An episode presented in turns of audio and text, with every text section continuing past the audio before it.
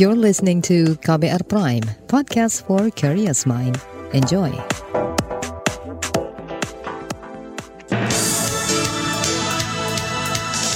Selamat pagi saudara, senang sekali kami bisa menjumpai Anda kembali melalui program Buletin Pagi edisi Jumat 15 April 2022 bersama saya Malika.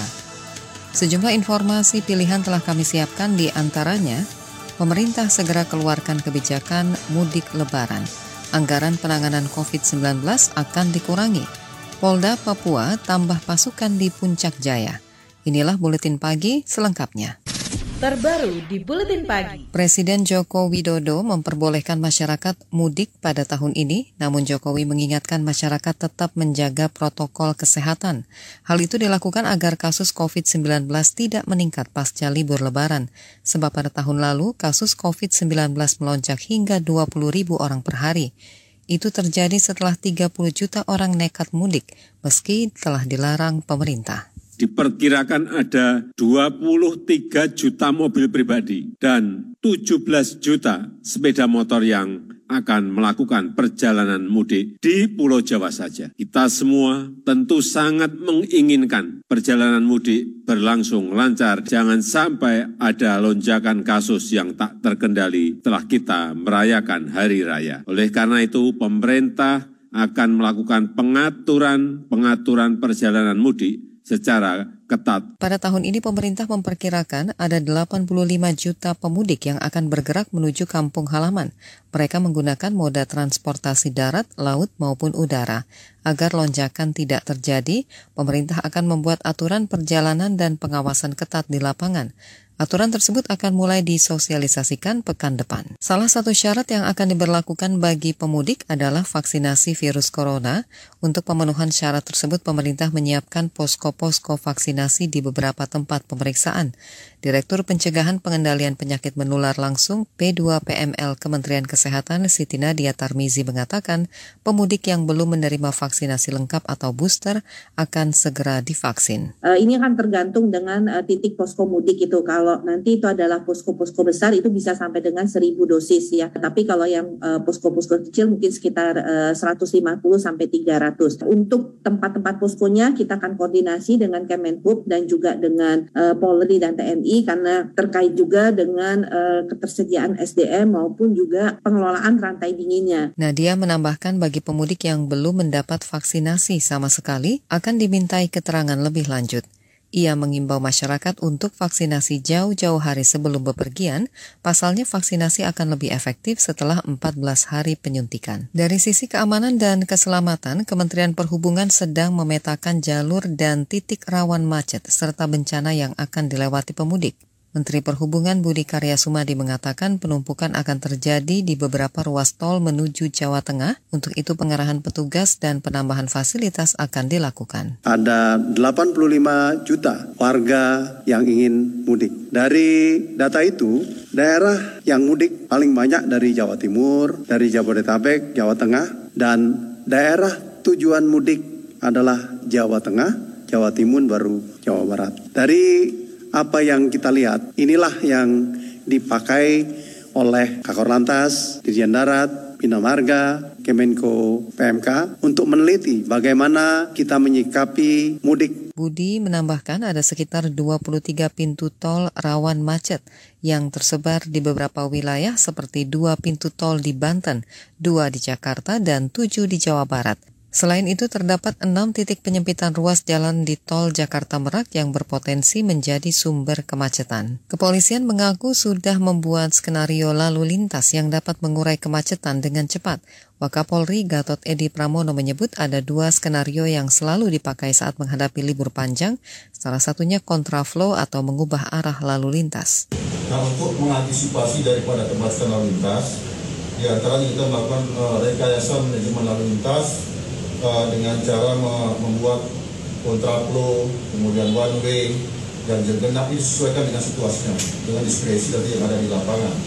Di samping kita juga menyiapkan uh, memindahkan jalur-jalur utama ke jalur alternatif apabila memang terjadi kemacetan dan melakukan buka tutup di rest area sesuai dengan uh, kebutuhan yang ada. Selain skenario lalu lintas, kepolisian bersama Satgas Penanganan COVID-19 juga akan berjaga di ratusan titik jalan utama untuk memeriksa persyaratan mudik bagi pengguna kendaraan pribadi.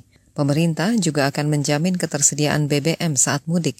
PT Pertamina menyatakan telah menyiapkan 230 motoris untuk melayani pembelian BBM di ruas jalan macet. Selain itu, SPBU bergerak juga disiapkan di tempat-tempat istirahat. Masyarakat Transportasi Indonesia MTI menanggapi sejumlah upaya yang dilakukan pemerintah dalam menjamin mudik yang aman dan nyaman. Ketua Bidang Advokasi MTI Joko Setiowarno menilai beberapa strategi yang akan digunakan dinilai tepat untuk diterapkan di Jawa, semisal kontraflow. Joko Setiawarno menghimbau masyarakat yang mudik dengan kendaraan pribadi agar rajin mencari informasi terkait lalu lintas yang bisa dilewati dengan nyaman. Ia juga meminta pengemudi beristirahat jika merasa lelah dan tidak memaksakan diri. Pasalnya, data Komite Nasional Keselamatan Transportasi KNKT menyebut 80 persen kecelakaan terjadi karena faktor kelelahan. Saudara anggaran penanganan pandemi akan diturunkan. Apa alasannya? Informasi selengkapnya sesaat lagi. Tetaplah di Buletin Pagi KBR. You're listening to KBR Pride, podcast for curious mind. Enjoy!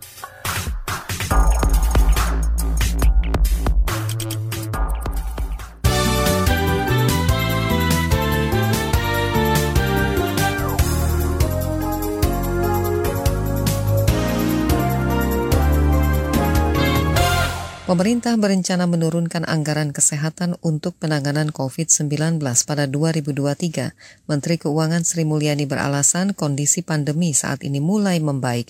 Itu sebab anggaran penanganan COVID-19 akan dialihkan ke penanganan non-COVID. Kalau tahun ini belanja kesehatan yang tidak berhubungan dengan COVID sebesar 139 triliun, tahun depan akan dinaikkan menjadi antara 193 1,7 triliun hingga 155 triliun rupiah. Ini tujuannya adalah untuk mendukung reformasi di bidang kesehatan yang akan dilakukan oleh Kementerian Kesehatan Menteri Keuangan Sri Mulyani mengatakan pemerintah akan menyiapkan jaminan kesehatan nasional dengan meningkatkan pembangunan sarana prasarana kesehatan, terutama di daerah. Kita ke informasi lain, Kementerian Energi dan Sumber Daya Mineral ESDM memberi sinyal kenaikan harga BBM jenis Pertalite dan solar. Saat ini kedua komoditas itu tidak dinaikkan karena masih disubsidi. Menteri ESDM Arifin Tasrif mengatakan rencana kenaikan harga Pertalite dan solar merupakan salah satu strategi jangka menengah dan panjang.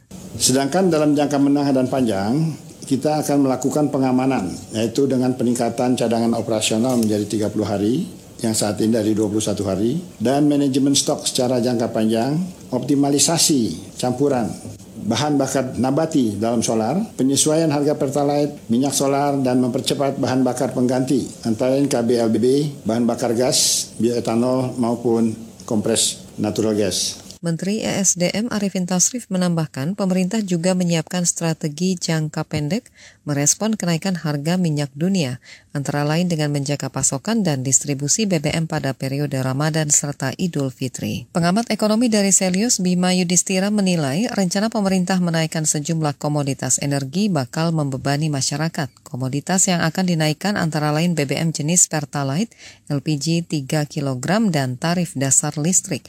Selain itu, Bima khawatir kenaikan itu bakal mendongkrak inflasi. Banyak masyarakat yang uh, tidak siap ya, karena kenaikan harga ini kan terjadi secara beruntun ya, mulai dari PPN, kemudian juga dari BBM, sebelumnya LPG non subsidi juga naik. Jadi artinya kalau terjadi kenaikan secara beruntun, masyarakat yang sebelumnya sudah terbebani dengan berbagai kebutuhan biaya hidup yang naik, sementara dari sisi pendapatannya juga tidak mengalami perbaikan yang signifikan, ini nanti akhirnya banyak orang yang akan jatuh di bawah garis kemiskinan. Direktur Selius Bima Yudhistira meminta pemerintah menggeser sejumlah pos anggaran di APBN untuk menstabilkan harga pangan dan energi, misalnya anggaran pembangunan ibu kota negara, kemudian memberi kompensasi ke PLN dan Pertamina dari keuntungan yang diperoleh dari pajak minyak mentah. Kita beralih ke informasi hukum. Wakil Ketua Komisi Pemberantasan Korupsi KPK Alexander Marwata menyerahkan klarifikasi dugaan gratifikasi tiket MotoGP Mandalika kepada Lili Pintauli Siregar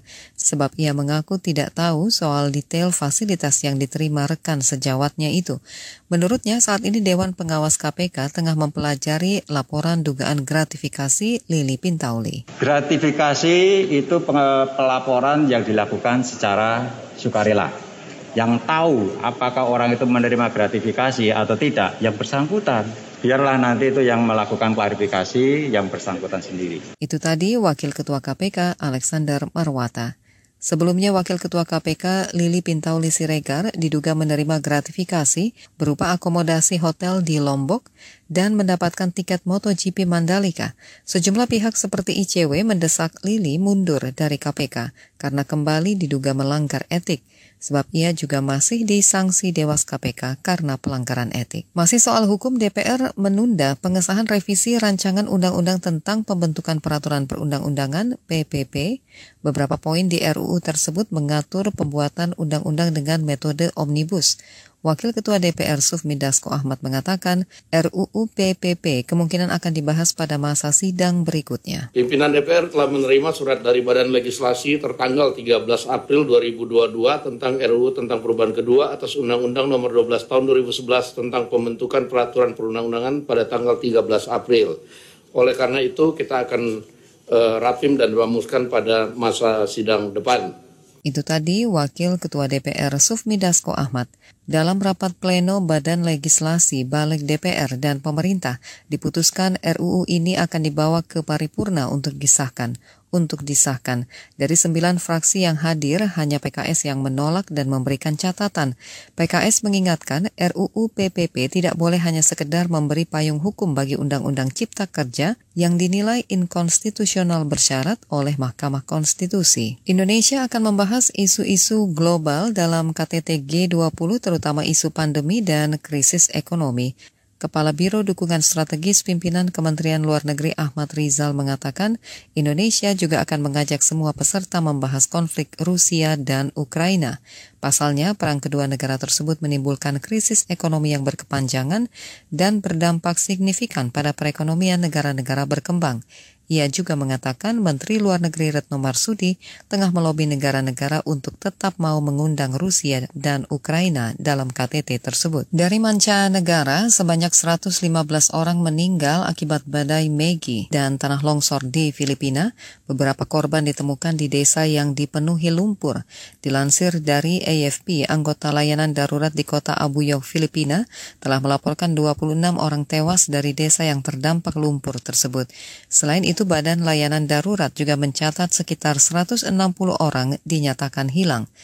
Sebelumnya, badai Maggie menerjang sejumlah wilayah di Filipina dengan kecepatan hingga 65 km dan embusan angin hingga 80 km. Imbas badai ini, longsor juga menghantam negara Asia Tenggara pada minggu lalu. Hingga saat ini ratusan masyarakat masih mengungsi di beberapa posko dan menunggu bantuan dari pemerintah. Beralih ke informasi olahraga, pasangan ganda putra Indonesia Bagas Fikri menang 2-1 saat melawan ganda Cina Ren Xiang Yu Tan Kiang pada babak kedua Korea Master 2022 di Stadion Guangzhou kemarin. Kemenangan ini menjadi harapan bagi Indonesia setelah empat wakil tumbang terlebih dahulu. Di bagian berikutnya kami hadirkan laporan khas KBR bertajuk Ibadah Haji 2022 dibuka, syarat bertambah. Tetaplah di Buletin Pagi KBR. You're listening to KBR Pride, podcast for curious mind. Enjoy!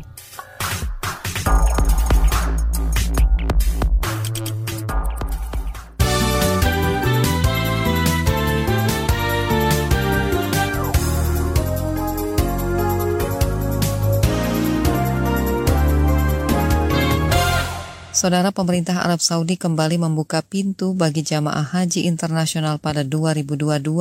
Kegiatan ini sempat tertunda selama dua tahun akibat pandemi COVID-19. Pengumuman itu segera direspon pemerintah Indonesia. Selengkapnya simak laporan khas KBR yang disusun Astri Yuwanasari. Pengumuman pembukaan pintu untuk 1 juta jemaah haji internasional pada musim haji tahun ini disampaikan Kementerian Urusan Haji dan Umroh pada akhir pekan lalu.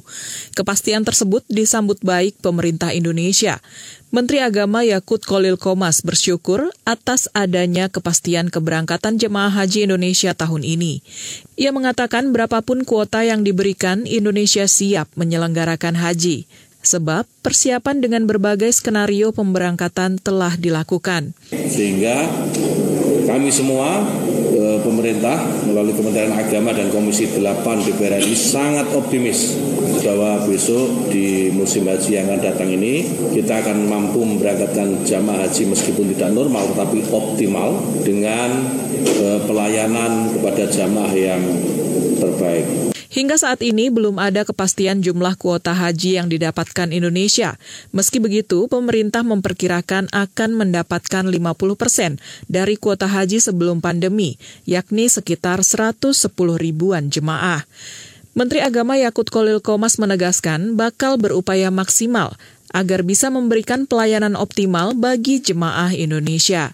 Namun begitu meskipun ini asumsi kita akan terus kejar, kita akan terus ikhtiar, kita akan terus berusaha agar kuota jamaah haji Indonesia bisa didapatkan secara optimal. 50% adalah sekali lagi angka asumsi dan itu target sekaligus target. Target yang kita kejar 50% dari kuota sebelum e, masa pandemi. Pemerintah melalui Kementerian Agama day to day selalu berkomunikasi dengan otoritas haji Saudi Arabia dan dari hari ke hari kami mendapat input ya yang baik Pemerintah dan DPR juga telah menetapkan biaya haji 2022. Penetapan itu dilakukan oleh Komisi Agama DPR dan Kementerian Agama Rabu pekan ini, yakni 39,8 juta rupiah untuk biaya perjalanan ibadah haji atau BP. Ketua Komisi Bidang Agama DPR Yandri Susanto mengatakan angka tersebut naik sekitar 4,8 juta rupiah dibanding BP 2020 yang ditetapkan sebesar 35 juta rupiah. Komisi 8 DPR RI dan Menteri Agama Republik Indonesia menyepakati bahwa dengan besaran BP sebagaimana diuraikan pada angka 4 tadi yaitu sebesar 39 juta 886 ribu rupiah, maka tambahan biaya jamaah haji lunas tunda tahun 1441 Hijriah atau 2020 masih tidak dibebankan kepada jamaah tetapi dibebankan kepada alokasi per Jadi calon jamaah haji tidak akan menambahkan setoran satu rupiah pun kepada eh, BPKH atau kepada Kementerian Agama. Pada pembukaan haji tahun ini, Kementerian Urusan Haji dan Umroh Arab Saudi mewajibkan sejumlah persyaratan yang harus dipenuhi calon jemaah, yaitu hanya jemaah berusia di bawah 65 tahun dan telah divaksinasi corona lengkap yang bisa beribadah haji. Selain itu, jemaah yang berasal dari luar kerajaan wajib menyerahkan hasil tes PCR negatif COVID-19 yang dilakukan tiga hari sebelum keberangkatan ke Arab Saudi. Kementerian Urusan Haji dan Umroh beralasan kebijakan itu diambil agar bisa menerima jemaah haji lebih banyak, sembari mempertahankan situasi kesehatan selama pandemi corona. Kementerian Agama segera merespon sejumlah syarat yang ditetapkan Arab Saudi. Namun menurut Dirjen Penyelenggaraan Haji dan Umroh, Hilman Latif, waktu yang tersedia tidak banyak, sehingga pihaknya akan bekerja cepat dalam merampungkan persiapan. Tinggal kita sesuaikan nanti, harus kita lakukan pengecekan lagi, mana yang masih biar bugar, mana yang sudah sakit dan tidak bisa berangkat, mana yang sudah wafat, ataupun usianya tadi ya, 65 tahun. Ya. Nah itu kan nanti akan akan kita cek betul satu-satu, termasuk juga nanti dari provinsi mana saja yang ada. Dirjen Penyelenggaraan Haji dan Umroh Hilman Latif menambahkan, Kemenak juga akan menjelaskan teknis pemilihan jemaah yang berhak berangkat sesuai ketentuan Arab Saudi. Ya akan kita umumkan mekanisme resmi ya eh, dan eh, proses bagaimana kita memilih dan memilah jamaah yang akan berangkat untuk tahun ini yang berasal dari jamaah tahun 2020, itu kan. Itu tentu saja kita merujuk kepada Siskohat. Nah, antrian sistem komputerisasi Haji Indonesia itu kan uh, yang terpadu itu sudah ada. Antriannya sudah ada. Siapa nomor satunya tahun 2020 sampai nomor 200 sekian ribu itu sudah ada. Demikian laporan khas KBR, saya Astri Yuwanasari. Informasi dari berbagai daerah akan hadir usai jeda, tetaplah bersama Buletin Pagi KBR. You're listening to KBR Pride, podcast for curious mind. Enjoy!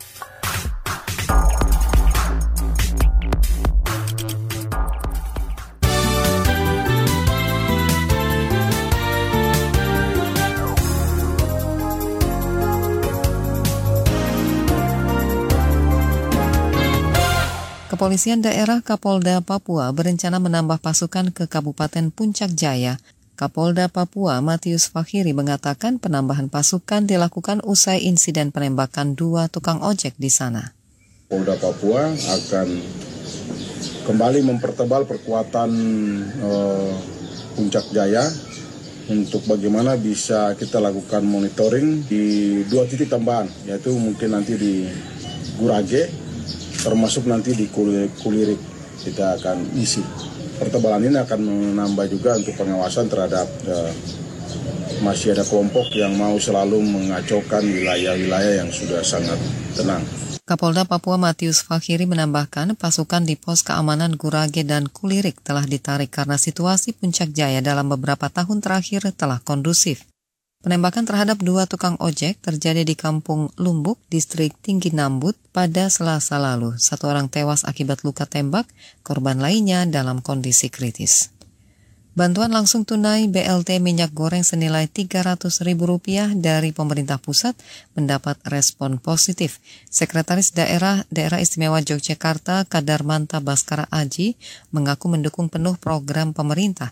Menurutnya bantuan itu bisa mendongkrak daya beli masyarakat jelang Idul Fitri. Ya, BLT minyak goreng kan sudah menjadi programnya pemerintah. Saya kira kita di daerah mendukung dengan cara kita bantu penyalurannya secepatnya gitu ya. Kalau bisa ya penyalurannya kita upayakan sebelum masuk di hari raya. Itu tadi Sekretaris Daerah Istimewa Yogyakarta Kadarmanta Baskara Aji. Sementara itu Deputi Manajer Pos Indonesia Yogyakarta Sujat Miko mengatakan BLT Migor akan diberikan kepada masyarakat selama tiga bulan, yakni April hingga Juni 2022. Pencairan bantuan juga akan disatukan dengan pencairan bantuan pangan non-tunai BPNT untuk April senilai Rp200.000.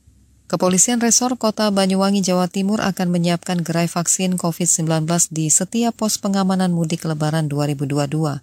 Kapolresta Banyuwangi Nasrun Pasaribu mengatakan pos pengamanan mudik lebaran akan menyasar masyarakat yang belum divaksin. Di dalam pelaksanaan itu nanti disiapkan berada ada pos PAM, ada pos YAN, dan ada uh, pos daripada pengamanan yang ada di wilayah kita. Sehingga pelaksanaan itu nanti seluruhnya itu ada gerai vaksinasi di tempat pos-pos tersebut.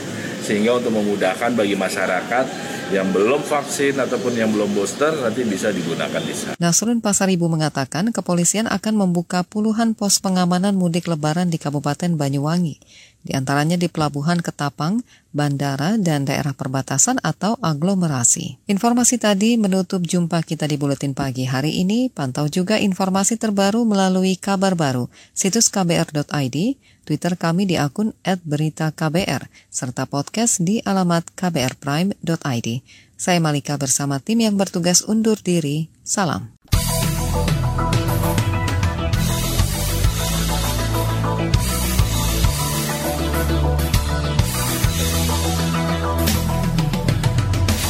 KBR Prime, cara asik mendengar berita. KBR Prime, podcast for curious mind.